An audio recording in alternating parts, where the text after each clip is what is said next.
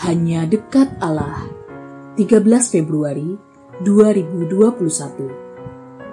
Sabar. Amsal 16 ayat 32. Orang yang sabar melebihi seorang pahlawan. Orang yang menguasai dirinya melebihi orang yang merebut kota. Demikianlah kesaksian penulis kitab Amsal. Amsal ini memperlihatkan betapa pentingnya kesabaran itu.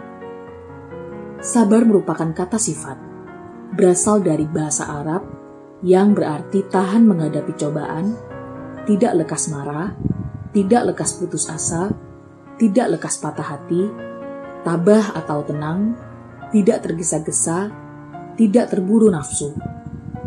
Dengan kata lain, orang yang sabar adalah orang yang mampu menguasai dirinya hati dan pikirannya. Mudahkah?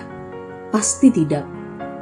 Dalam hubungan dengan orang lain, kadang kita merasakan ketidakbenaran, ketidakbaikan, dan ketidaktepatan terjadi, yang membuat nurani kita tersinggung marah. Namun Amsal ini mengingatkan kita untuk tenang dan tidak tergesa-gesa dalam mengambil keputusan. Setidaknya jangan langsung marah. Mengapa? Pertama, bisa jadi orang itu memang tidak tahu apa yang diperbuatnya. Marah hanya akan membuat dia malu, dan akhirnya menjadi marah. Mungkin kediaman kita malah akan membuat dia berpikir ulang, dan akhirnya menyadari kesalahannya.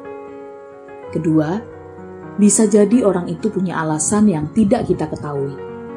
Jika alasannya masuk akal, tentulah kita yang akan menjadi malu sendiri. Ketiga, ini yang terpenting.